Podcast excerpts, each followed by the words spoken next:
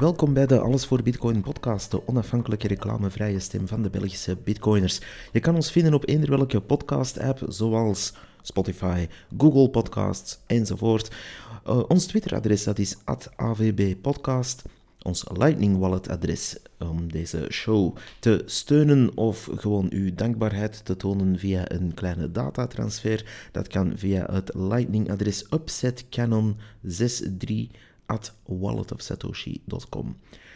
Dat alles is ook terug te vinden op onze website, dat is allesvoorbitcoin.be.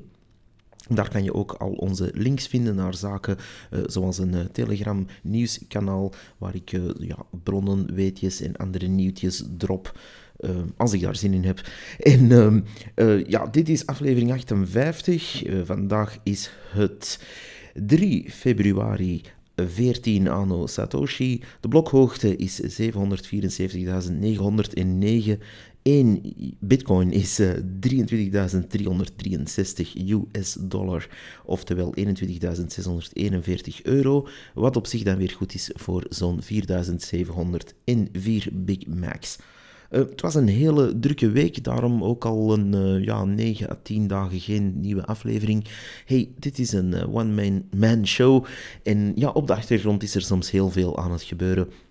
Waardoor we ja, niet altijd de tijd hebben om een update te geven over alle nieuwtjes. En de nieuwtjes die gingen wel snel, maar waren ook niet mega wereldschokkend. Uh, de prijs ging gestaag omhoog van de bitcoin, zoals men dat dan zegt in de mainstream media. Um, en ja, eh, wat kunnen we daar meer over zeggen? Er zijn gewoon meer kopers dan uh, verkopers momenteel. En dat is hoe die markt nu momenteel even draait. We zitten ook op een soort van vierde ja, als we de, de analisten mogen geloven, een vierde bump omhoog richting bull market uh, door een, uh, een hele reeks uh, ja, technische analyses die daarover kunnen gemaakt worden wie uh, op Twitter dat een beetje volgt, die wereld, en op YouTube, die kan uh, daar een hele lawine aan technische analisten vinden die dat uh, allemaal in geuren en kleuren graag uitleggen. Maar ja, wat er ook van zei, er is altijd wel een uitleg waarom er lijntjes omhoog gaan bij Bitcoin en lijntjes terug naar beneden gaan. We gaan daar niet al te diep op in. Wat wel is dat is dat zowat die paper bitcoin verkopers zoals een FTX exchange er stilaan tussenuit zijn. Die scams en die ja, operaties, zullen we maar zeggen, die bedoeld waren om uh, fake bitcoin of onbestaande bitcoin aan de markt aan te bieden en daardoor de prijs te drukken drie, vier jaar aan een stuk. Die, uh, ja, die mensen, hun rijk is zo wat uit en dat betekent dat zo stilletjes aan de normale prijs van de normale markt terug kan komen. Wat niet wil zeggen dat deze markt natuurlijk uh, altijd vrij is van enige manipulatie dat zeggen we niet. Maar het is wel zo dat die grootverkopers, die niet altijd de liquiditeit in huis hadden die ze beweerden in huis te hebben, uh, dat die er stilaan tussenuit gaan. En dat merken we dus aan deze markt. Um, dat is wat er toch volgens mij aan de hand is. Maar ik kan me vergissen. Ik ben natuurlijk geen genie zoals uh, sommige cursusverkopers de, dat uh, beweren te zijn aan 3000 euro per week. Uh, u moet die mensen dan vooral vragen hoe de markt echt in elkaar zit. En dan gaan ze u meteen ook vertellen om een of andere shitcoin te kopen. Maar goed, um, we gaan vandaag wat nieuwtjes overlopen in snel tempo. Want uh, er zijn natuurlijk wel wat dingen te vermelden. Uh, eerst en vooral een kleine update voor de podcast zelf. Februari gaat vrij rustig zijn op het gebied van afleveringen maken. Dat komt vooral omdat ik een aantal dingen ja, uh, moet herschikken en de manier van werken een klein beetje ga aanpassen aan de realiteit. Maar ook minder afleveringen, more is, less is more. more is less soms ook, maar nee, less is more. In die zin, we willen gewoon betere afleveringen maken. We zijn met een paar mensen de koppen bij elkaar aan het steken om een heuse redactie uit de grond te stampen. En waar we ja, toch een beetje kunnen meer uh, research gaan doen, dieper in dingen gaan induiken en ja, gewoon betere afleveringen maken, misschien ook iets langere afleveringen maken, afgewisseld met wat uh, kortere updates. Uh, maar goed, dat is allemaal toekomstmuziek, maar dat vraagt allemaal werk. En ja, mijn motto is zo de laatste tijd, proof of work is alive. dat betekent eigenlijk dat je het werk moet gaan leveren en bewijzen dat je het levert om daadwerkelijk iets te bereiken, zoals dat eigenlijk in de echte wereld en niet alleen in de Bitcoin-wereld uh, moet gebeuren. Uh, ja, je moet soms ook echt iets doen. En dat betekent soms ook op de achtergrond iets organiseren, iets doen en ja, ervoor werken. En dat doen we hier. En die, uh, die podcast ja, die komt er elke keer dankzij een hoop werk mensen die daar ook hun tijd in steken en uh, de nodige bronnen verzamelen. Maar uh, goed daarover. In ieder geval moesten er dus iets minder afleveringen in aantal komen de komende weken. Dan weten we in ieder geval dat we niet gewoon op onze luie krent zitten te wachten tot de prijs pumpt, zoals heel veel mensen doen. Maar dat wij dus, dus wel degelijk iets aan het doen zijn. Um, ik wil ook meer en meer bruggen bouwen naar andere soorten uh, beleggers, spaarders of mensen met bepaalde visies die uh, ja, al dan niet iets te maken hebben met de Bitcoin-wereld of die iets kunnen bijbrengen omdat dat gewoon belangrijk is. Als we allemaal gewoon blijven navelstaren en zeggen: Hey, vind jij Bitcoin goed? Ja, ik vind Bitcoin fantastisch. Ja, dat is tof. Hey. Daar komen weinig uh, stappen mee vooruit, denk ik. We moeten ook af en toe durven kijken naar wat er uh, zoal gebeurt in de wereld en ook uh, ja, wat er rondom ons gebeurt. Dat betekent natuurlijk niet dat we gaan. Um, liggen leuren met altcoiners en shitcoiners of mensen die de uh, exchange en token casino stuff komen chillen of uh, lekker het Instagram model uithangen en oppervlakkigheden uh, de wereld insturen. Daar gaan we niet mee beginnen. Maar wij gaan er keihard voor om mensen te educeren over Bitcoin. Want die kenniskloof, daar beginnen we mee. En daar zitten we ook nog mee. Uh, mijn visie daarover is ondertussen, denk ik, wel duidelijk. We zitten met een gigantische knowledge gap, een enorme kenniskloof, die onder andere door Bitcoiners zelf is in stand gehouden, maar ook uh, in stand wordt gehouden door mainstream media en allerlei mensen die daarin rond waren. En die kenniskloof mag wel eens eindelijk gedicht worden. En dat doen we dus niet door gewoon te zwijgen en erbij te zitten. En dat doen we al helemaal niet door ergens een stickertje te kleven, maar dat doen doen we door vooral naar buiten te komen en kennis te vergaren zelf en kennis te verspreiden. Uh, we gaan in snel tempo over zo'n paar nieuwtjes gaan. En daarna hebben we ook nog een overzicht van de portfolio's die we begin januari hadden opgestart. Om uh, ja, daar een, ter educatie ook een beetje informatie over te geven en portfolio's naast elkaar te leggen. Maar we beginnen met de eerste prijsheropleving. En vooral uh, zien we ook dat er uh, wat, wat, nieuwtjes in het uh, Bitcoin-spectrum zijn aan het terechtkomen in de Bitcoin-wereld bij de developers bijvoorbeeld. er is een bepaalde Optech-newsletter die om de zoveel tijd wordt verspreid, waarbij eigenlijk Bitcoin-ontwikkelaars hun nieuwe voorstellen even worden besproken. En deze keer stond daar een, een voorstel in om serverless pay-join te doen en een proof of payment concept voor het Lightning Network. Dat, uh, dat klinkt heel uh, buzzwordy, maar dat is eigenlijk wel een uh, heel mooi concept waar we tot op heden nog niet veel reactie op gezien hebben, maar dat wel veelbelovend is. Um, dit zou dus toelaten om bijvoorbeeld twee wallets te laten communiceren met elkaar en eigenlijk een soort van interactie daartussen op te bouwen voor een korte periode, zodat het eigenlijk een soort van pay-join kan ja, gaan uitvoeren samen, maar niet de nood heeft voor een, uh, ja, een echte webserver op te zetten of een echte dienst op te zetten die langere uh, periodes overbrugt. Met andere woorden, je kan op een zeer korte manier twee wallets rechtstreeks met elkaar laten samenwerken om daar een pay-join betaling te gaan verrichten. Dat zou uh, heel mooie implicaties kunnen hebben en we gaan zien wat daar van die nieuwsletter nog naar boven komt drijven. in een ander nieuwtje is er een plenaire vergadering uh, gepland in ons Belgisch parlement, waarbij we uh, onder andere onze premier Alexander De Croo gaan geïnformeerd zien worden over wat zij dan uh, noemen crypto. Um, ja, natuurlijk gaat dit voor ons vooral over bitcoin. En uh, ja, wat zien we hier eigenlijk? Dat er een adviescomité technologie werd aangespoord om wat adviezen te geven. En deze mensen kwamen volgens onze mainstream media natuurlijk, want we hebben nog niet de volle teksten gelezen, maar volgens die uh, media kwamen zij met een soort van tien geboden voor de crypto-wereld. Dat is al natuurlijk een term om van te huiveren, maar goed. Daar gaan we eventjes uh, voorbij proberen te kijken. Want ja, op alles moeten kleuterachtige en simpele termen worden gekleefd tegenwoordig. Om het vooral licht verteerbaar te maken. Maar men wil dus een, ja, een soort van kader gaan scheppen. Waarin, waarin we eindelijk in België eens een, uh, een beetje wetgeving krijgen rond die cryptocurrency-wereld. Um, ik gebruik hier het woord crypto liever niet, omdat we dan op één hoop gegooid worden met alle shitcoins, altcoins, token trading stuff en verzinsels.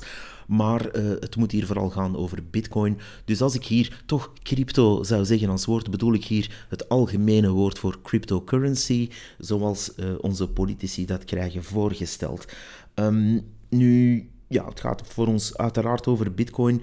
En hier zou eigenlijk de officiële opdracht uh, zijn om de, um, een uitvoerende macht te vragen om een kader te scheppen voor het gebruik van cryptomunten en uh, cryptovaluta in het algemeen.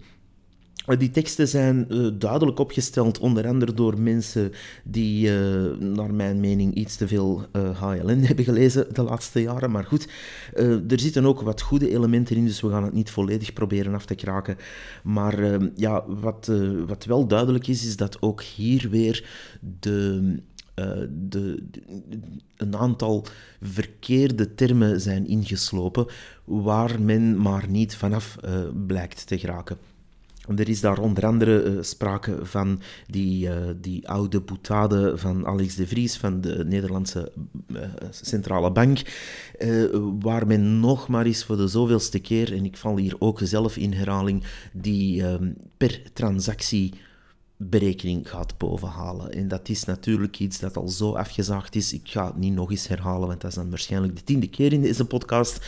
Maar opnieuw gaat men dit hier in ons parlement voor de politici hun voeten gooien. Eh, dat klopt niet. Bitcoin werkt niet per transactie, Bitcoin werkt per blok en Bitcoin secured een heel netwerk. Um, en daar kan je dan veel over uh, zeggen wat je wil. Dat dat elektriciteit verbruikt, weten we allemaal. Maar Um, dat heeft wel een nut, dat security netwerk, dat beveiligt een, een enorme ja, virtuele kluis, zal ik maar zeggen, van een wereldwijde munt. En daar uh, moet je dan niet gaan zeggen, ah ja, maar dat verbruikt zoveel per transactie, want dat klopt per definitie niet. Um, dat is ook al honderden keren gedebunked uit allerlei hoeken. Ondertussen zijn er ook studies, en die zal ik linken in deze podcast uh, notes, uh, zijn er ook studies uit die het omgekeerde beweren. Die zeggen dat uh, bitcoin 58 keer minder elektriciteit verbruikt en vervuiling opwekt dan de traditionele bankwereld. Dus u kan daar alle richtingen mee uit met dat soort uh, toestanden en met dat soort studies. Uh, wat je wil bewijzen, kan je bewijzen. Je kan altijd wel iets bovenhalen. En ik vergelijk het eigenlijk graag van als je eigenlijk al de uitstoot van al het wegverkeer in heel Europa zou willen berekenen, dan ga je dat ook niet berekenen per wiel. Dus dat is een beetje wat zo mensen proberen te doen, andermaal. Die zeggen van, ja, kijk, uh, een, een, een, blok van bitcoin, uh, daar zitten bijvoorbeeld op een bepaald moment 1600 of 2000 transacties in. We gaan het aantal elektriciteit dat in die paar minuten wordt verbruikt door heel dat miningnetwerk. Uh, we gaan dat even delen door die 2000 en boom, we hebben een cijfertje en we kunnen dat mooi in een grafiekje gieten. Tja, um, dat is voorbijgaan aan een heleboel facetten daaraan. En ja, dat was het eerste dat me al opviel aan die tekst die daar uh, werd voorgesteld. Dat men dus die, uh, ja, die, die zever, zal ik het maar zeggen, van de Nederlandse Centrale Bank weer maar eens gecopy-paste heeft. Um, ik zag op Twitter daar een aantal mensen op reageren, ook naar het... Uh, uh, naar het groepje dat dat heeft bedacht toe. En er blijkt toch enige nuances uh, in te zijn aangebracht, maar die nuances zijn uh, eigenlijk onvoldoende. Op een bepaald moment zegt daar iemand van ja, ik heb, ik heb de data van de blockchain gewoon gedeeld door het elektriciteitsverbruik. Tja, um, daar kom je dan nergens mee. Zeker als elektriciteitsverbruik al per definitie wordt bezien als evil, als slecht. Uh, ja, waar ben je dan mee bezig? Uh, elektriciteit wordt ergens opgewekt. En dat kan op allerlei manieren zijn. Uh, ja, een bitcoin die gegenereerd is, heeft daar op zich weinig mee te maken. Uh, en ja, als je dan toch een vergelijking wil maken, zou ik zeggen, de Antwerpse haven zit ongeveer op een 35% groene stroom die het verbruikt. Dus dan hebben we het over de grote industrie die daar aanwezig is. En het Bitcoin-netwerk zweeft rond de 80 à 85% groene stroom. Dus ja, uh, willen we dan toch vergelijken of er uh, evil energie wordt verbruikt, dan mag u in die richting ook wel eens gaan kijken. Maar ja, goed. Dus die hoogleraar aan de KU Leuven, een zekere Bart Preneel, die kon blijkbaar zijn rekenmachientje niet snel genoeg boven toveren om die, ja, die berekeningen op die manier te maken. In mijn persoonlijke opinie maakt die man zich een beetje belachelijk. Maar goed, het zal aan mij liggen waarschijnlijk. Het is een beetje zoals ja, eh, die, die, die ecologische impact die men per se wil gaan visualiseren naar politici toe en naar mensen toe die er eigenlijk ja, niet weten hoe het Bitcoin-netwerk werkt. En daar pakt dat natuurlijk in, omdat je een heel simpele manier van berekenen hebt. We hebben in een van de afleveringen daar uitvoerig op ingegaan over hoe Alex de Vries dat destijds heeft bedacht. En die heeft eigenlijk uh, ja, daar een, eh, een heel mooi marketingtrucje gevonden om een heleboel mensen die daar eigenlijk niks van weten, toch er eventjes een moment in te doen geloven dat dat heel, heel evil is. Um, dat is eigenlijk wel jammer, ook voor de planeet en het klimaat, want er zijn wel andere zaken die men eens mag aanpakken. Maar goed, uh, die vergelijkingen mogen we dan ook blijkbaar niet meer maken met cruiseschepen of fast fashion of andere zaken. Dat is allemaal zogezegd nuttig, maar een uh, wereldwijd secure, permissieloos netwerk, dat is vooral niet nuttig volgens hen. Dus goed, als we daaraan voorbij gaan, dan zien we toch één interessant punt uit heel dat uh, voorstel, want er stonden een stuk of tien punten in, ze waren niet allemaal even interessant. Maar goed, uh, puntje 8 dat daar stond, gaat eigenlijk eindelijk over een wettelijk kader scheppen voor de belastbaarheid van cryptomunten. En met name voor Bitcoin is dat eindelijk, eindelijk wel eens nodig. Ik heb er ooit een uh, mooie rant over afgestoken in een van de afleveringen, uh, waar men blijft voorbijgaan aan um, een goed, eerlijk en haalbaar wettelijk percentage kleven op die uh, winsten op cryptomunten of op, uh, ja, op een manier dat belasten op een eerlijke en uh, toffe manier. Want ik denk dat ik voor heel veel bitcoiners spreek dat we eigenlijk geen probleem hebben om belasting te betalen, maar wel een probleem hebben om overgeleverd te zijn aan complete willekeur. niemand, of het nu gaat over kunst of huizen of auto's of uh, uh, belast worden op uw werk. Niemand heeft graag dat hij in een soort van loterij moet deelnemen uh, waar hij of zij at random 0 tot 100% wordt belast en ach ja, de fiscus beoordeelt u wel en dan, dan ziet u het maar. Er is natuurlijk iets meer nuance in, maar grosso modo komt het er wel op neer dat ik ondertussen wel wat mensen in mijn omgeving heb die ja die wel eens uh, crypto in zijn brede betekenis hebben uitproberen cashen. Uh, dat omzetten dus naar dirty fiat-euro's en dan terug naar de traditionele economie stappen. En dan hoor je daar percentages die uh, ja, echt wel gaan van 0 tot ja, in de 75%. En dan denk ik van, dit is eigenlijk niet meer zo serieus. Kleef daar eens een percentage op waar we allemaal mee voort kunnen. Nu, uh, dit voorstel zou dus in die richting gaan, waar men eindelijk ook uh, de idiotie, want dat is het, zou gaan loskoppelen van de verplichting voor het aangeven van buitenlandse rekeningen, waar dus momenteel crypto onder valt.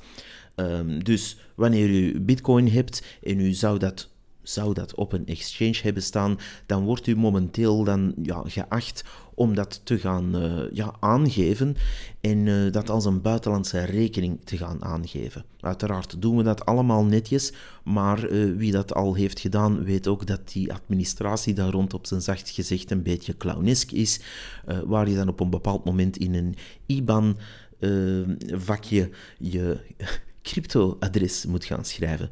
Uh, good luck with that. Uh, je kan daar natuurlijk ook een mooi A4'tje aanhangen en dat op die manier gaan aangeven. En u kan nog allerlei andere zaken doen. Maar misschien wordt het ook eens tijd dat we uit de jaren 70 stappen en uh, ja, die, uh, die, die dat wettelijk kader eigenlijk krijgen, waar we niet alleen een percentage krijgen, waar we duidelijke regels krijgen, maar ook gewoon de juiste omkadering en de juiste ja, know-how, zal ik maar zeggen, bij de Belastingdiensten zien ontstaan, waarbij we ook ja, op een normale manier kunnen omgaan met een assetklasse uh, zoals Bitcoin. Um, die dingen bestaan al voor uh, andere zaken. Uh, mensen die inkomsten hebben uit allerlei andere sectoren van de economie. Waarom zou dit dan niet mogen voor Bitcoin? Um, deze tak bestaat al 14 jaar, wordt het niet eens tijd dat men de ogen opentrekt en zegt van ha, we kunnen hier toch iets mee. We kunnen hier eindelijk wetten voorzien en iets doen voor de mensen, zodat dat uh, ja, op een eerlijke, normale en belastbare uh, manier kan omkaderd worden. Dat is al wel vele jaren te laat, maar goed, uh, het is wel heel nodig. En aangezien bitcoinbeleggers momenteel volledig aan die willekeur zijn overgeleverd, Laat ons uh, daarom uh, ja, hopen op beterschap, zal ik maar zeggen.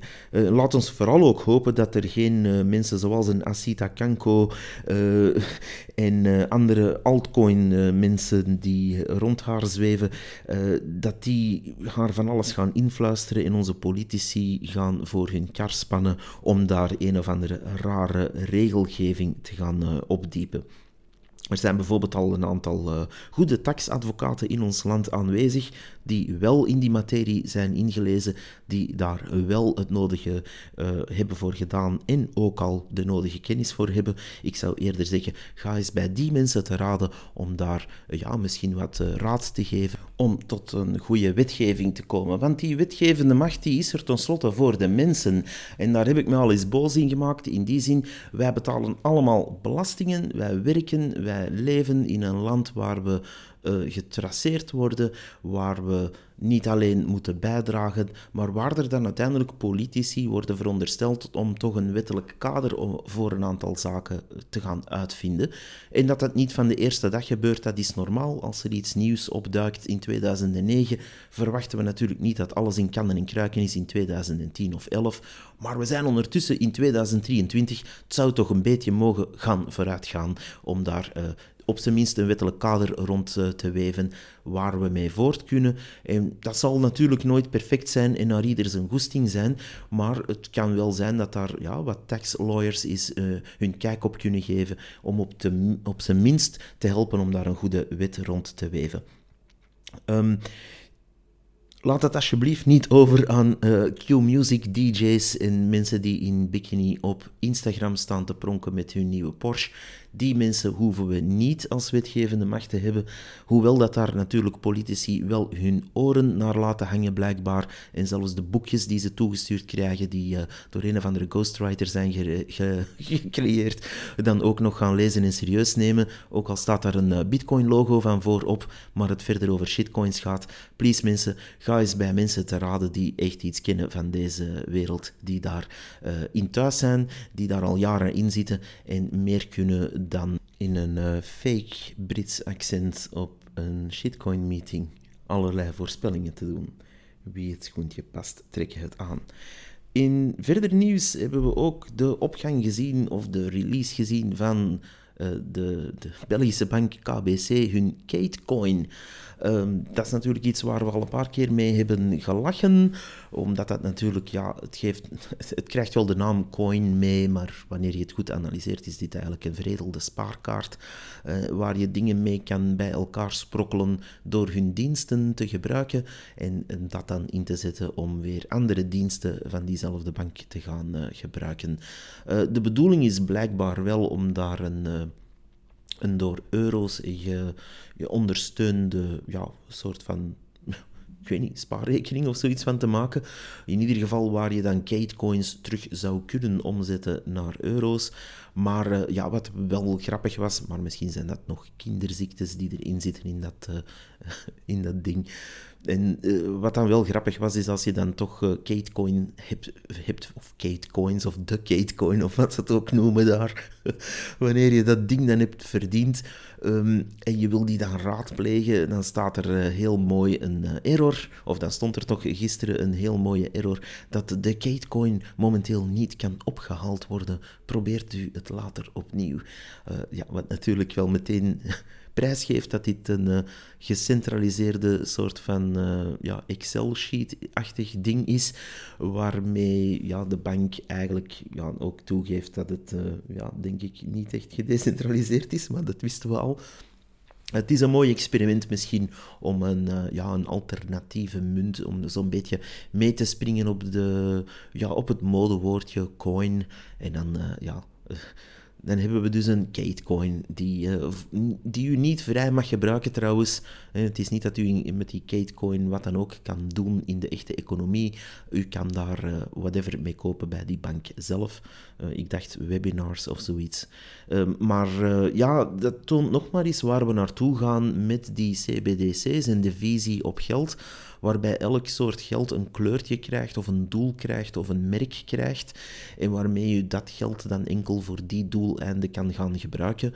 Ehm, ik vind dat een uh, zeer slechte evolutie.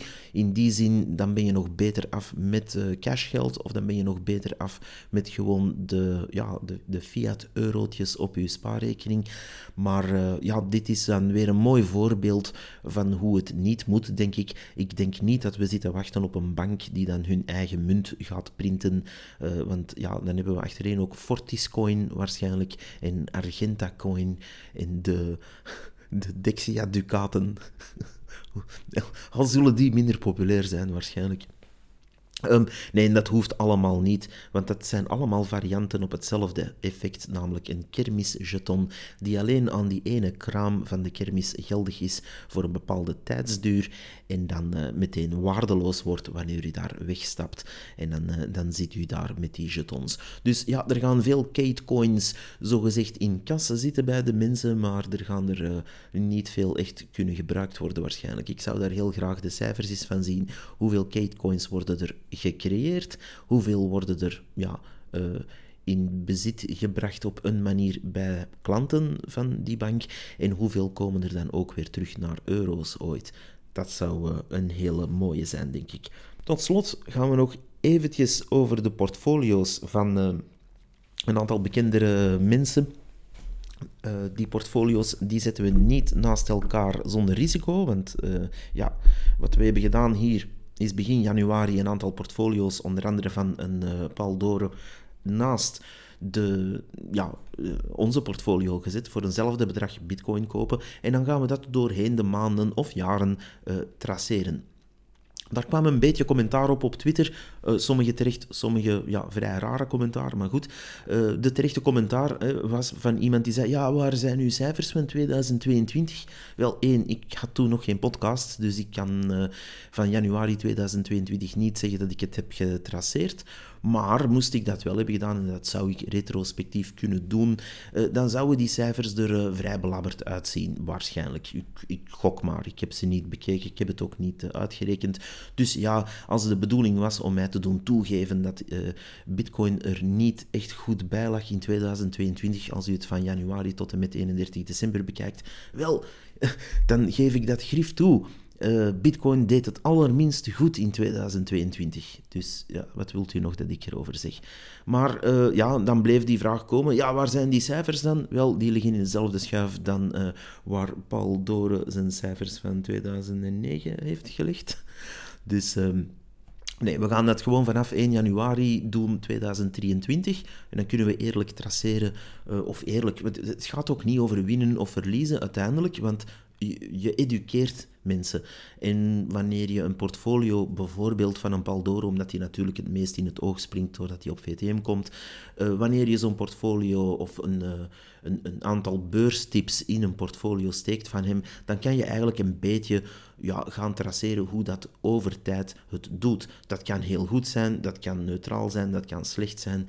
Maar goed, hè, dat kan winst of verlies maken, wat dan ook. Maar het geeft een indicatie en daarmee kan je ook mensen iets aanleren. En eh, die conclusie laat ik aan de mensen zelf over. Een van de conclusies kan bijvoorbeeld zijn van, oh, uh, die meneer X, Z had het bij het rechte eind. Wanneer je in januari 2023 in die of die aandeel had geïnvesteerd, dan gaan die nu x procent omhoog. Een andere conclusie kan bijvoorbeeld zijn, oei, uh, diegenen die toen in bitcoin hebben geïnvesteerd, zijn x procent kwijtgeraakt van hun waarde of x procent uh, is erbij gekomen. Dat zijn allemaal conclusies die ik overlaat aan de mensen die die portfolio gewoon ook zelf kunnen lezen en zelf kunnen samenstellen desnoods. Dus ja, wat is het probleem? Ik zie het eigenlijk niet het probleem. Uh, iedereen mag ook mijn portfolio en die is heel simpel samen te stellen, namelijk voor eenzelfde bedrag koop ik VBTC, wat staat voor de Van Eck um, Bitcoin Fund. En dat is natuurlijk geen aanrader van mij, dat is gewoon wat ik eventueel zou doen in zo'n virtueel spel. Maar ja, verder moet niemand dat uh, kopen of niet kopen of verkopen. Ik geef daar geen raad in, want ik mag daar en kan daar ook geen raad in geven. Ik zeg alleen maar dat ja, ik dat naast hetgeen wil leggen dat al die uh, ja, beurs goeroes zal ik ze niet noemen, maar toch beursanalisten en andere mensen die uh, in de media van alles komen beweren daarover. Ja, ik mag, uh, ik mag daar toch ook iets naast leggen, denk ik, ter vergelijking. Net zoals u de goudprijs daarnaast zou kunnen leggen, net zoals u de prijs van, goh, laat ons zeggen, de S&P 500-index ernaast kan leggen en zoveel andere indexen. Dus uh, het staat u vrij om die oefening ook zelf te doen. Uh, zet er voor mij part de prijs van eieren naast. Uh, wat u ook maar wil traceren, is allemaal welkom natuurlijk. En daar, daar, kan u alleen maar uit leren. En dat is eigenlijk hetgeen dat ik hier wil doen. Um, ter educatie wil ik hier gewoon een aantal portfolio's naast elkaar leggen. En de conclusies, of wat u al dan niet wel of niet moet doen, dat laat ik aan anderen over. Um, die eerste portfolio uh, gaan we er even bij nemen.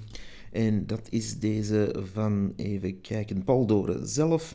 Uh, daar zat onder andere in, volgens zijn eigen aanrader op VTM uh, op 2 januari, was dat Recticel, Barco, Dieteren, Akkermans en Van en AB InBev. Samen hebben we daarvoor een 24.960, dus net geen 25.000 euro, uh, voor uh, virtueel verdeeld als startbedrag. En dat staat nu eind januari op 25.131.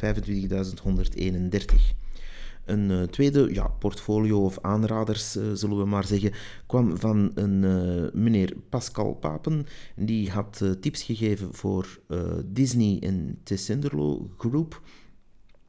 die, hetzelfde bedrag hebben we daar in twee verdeeld. En uh, dat was respectievelijk, daar heb ik trouwens in het begin van januari een klein foutje gemaakt. Ik heb een uh, verkeerd bedrag daar gezet, want uh, ja, dollar in euro conversie was ik even vergeten, sorry. Maar als we daar dus het gelijke bedrag, dus ook weer een 25.000 euro in twee verdelen, dan zien we dat dat mooi verdeeld was tussen Tessenderlo Groep en Disney aandelen.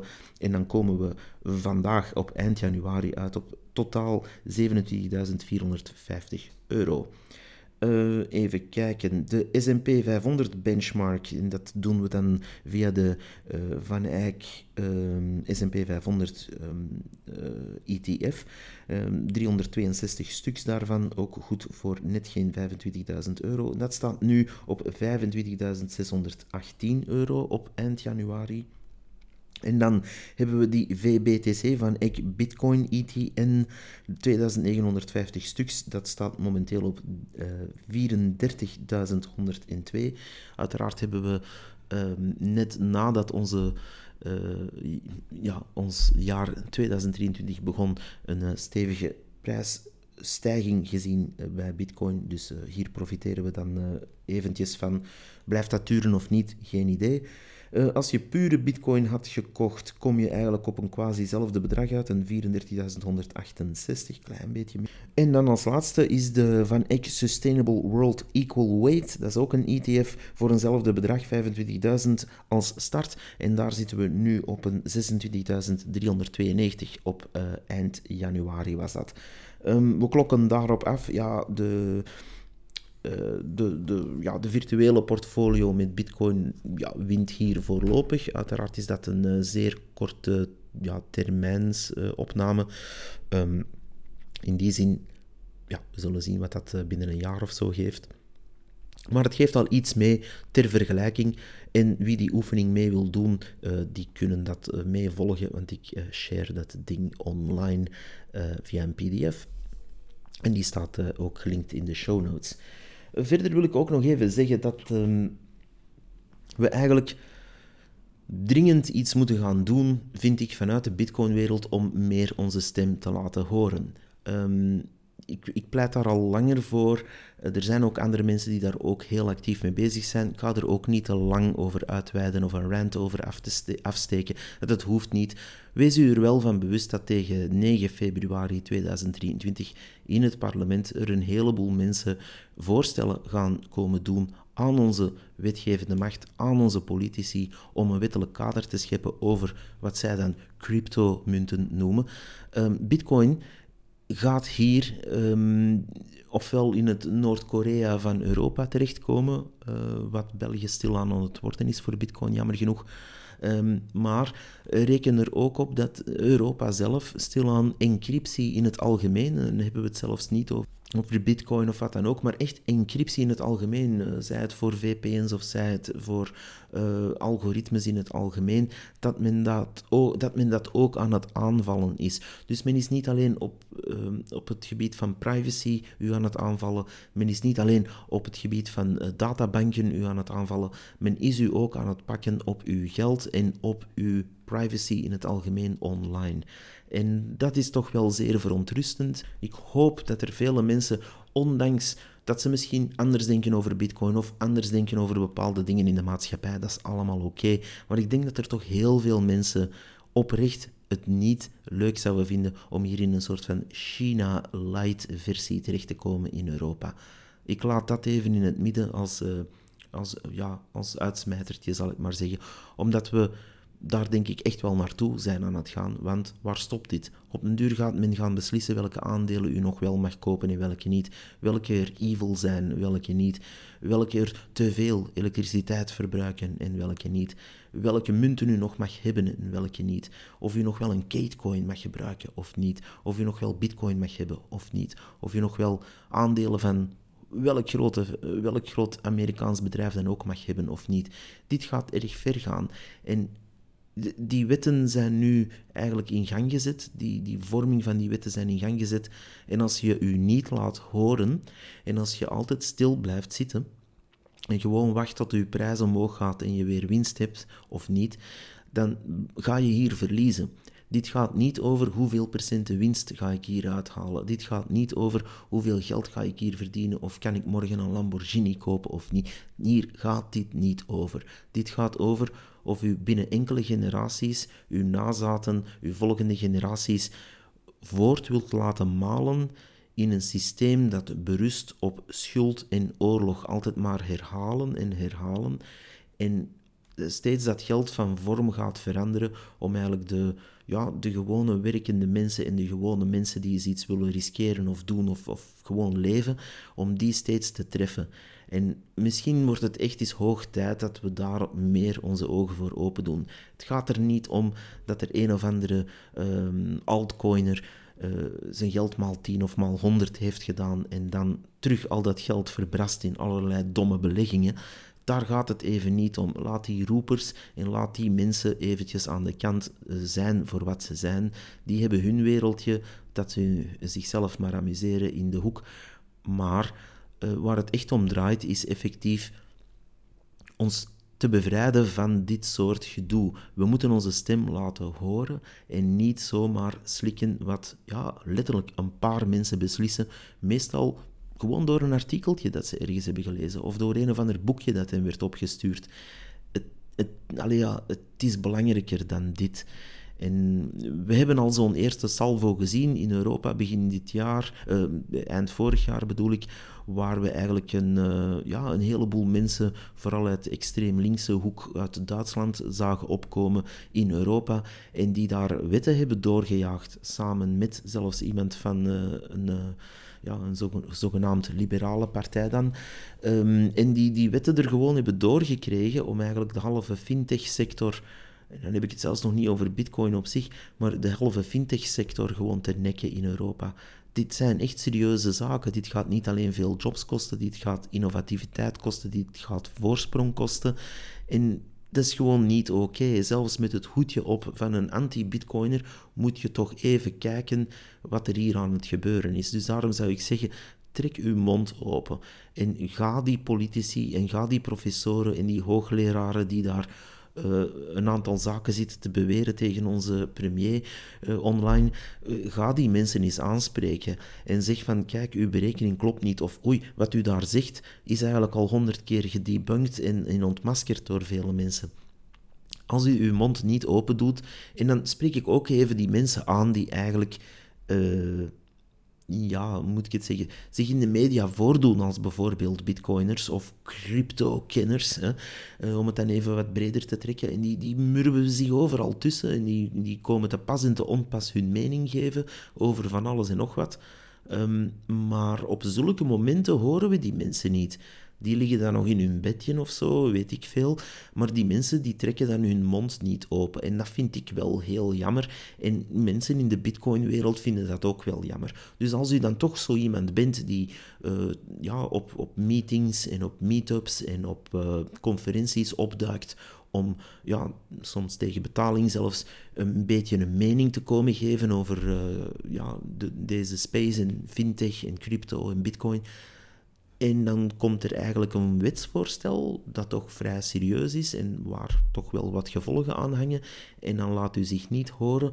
Dat is een beetje flauw, dat is ook een beetje laf en het is eigenlijk een beetje wraakroepend. Zeker wanneer u steeds handje de voorste wilt spelen over Bitcoin. En dan uiteindelijk, als er iets moet gezegd worden, um, ja, niet thuis geeft. Dat is uh, zeer jammer. En als u dan op zulke momenten niet thuisgeeft, dan moet u ook achteraf, als zo'n wetten dan vorm krijgen en zo'n wetten dan helemaal ingevoerd worden, ook niet komen jammeren en ook niet komen zeuren. Want dan bent u eigenlijk op cruciale momenten afwezig geweest.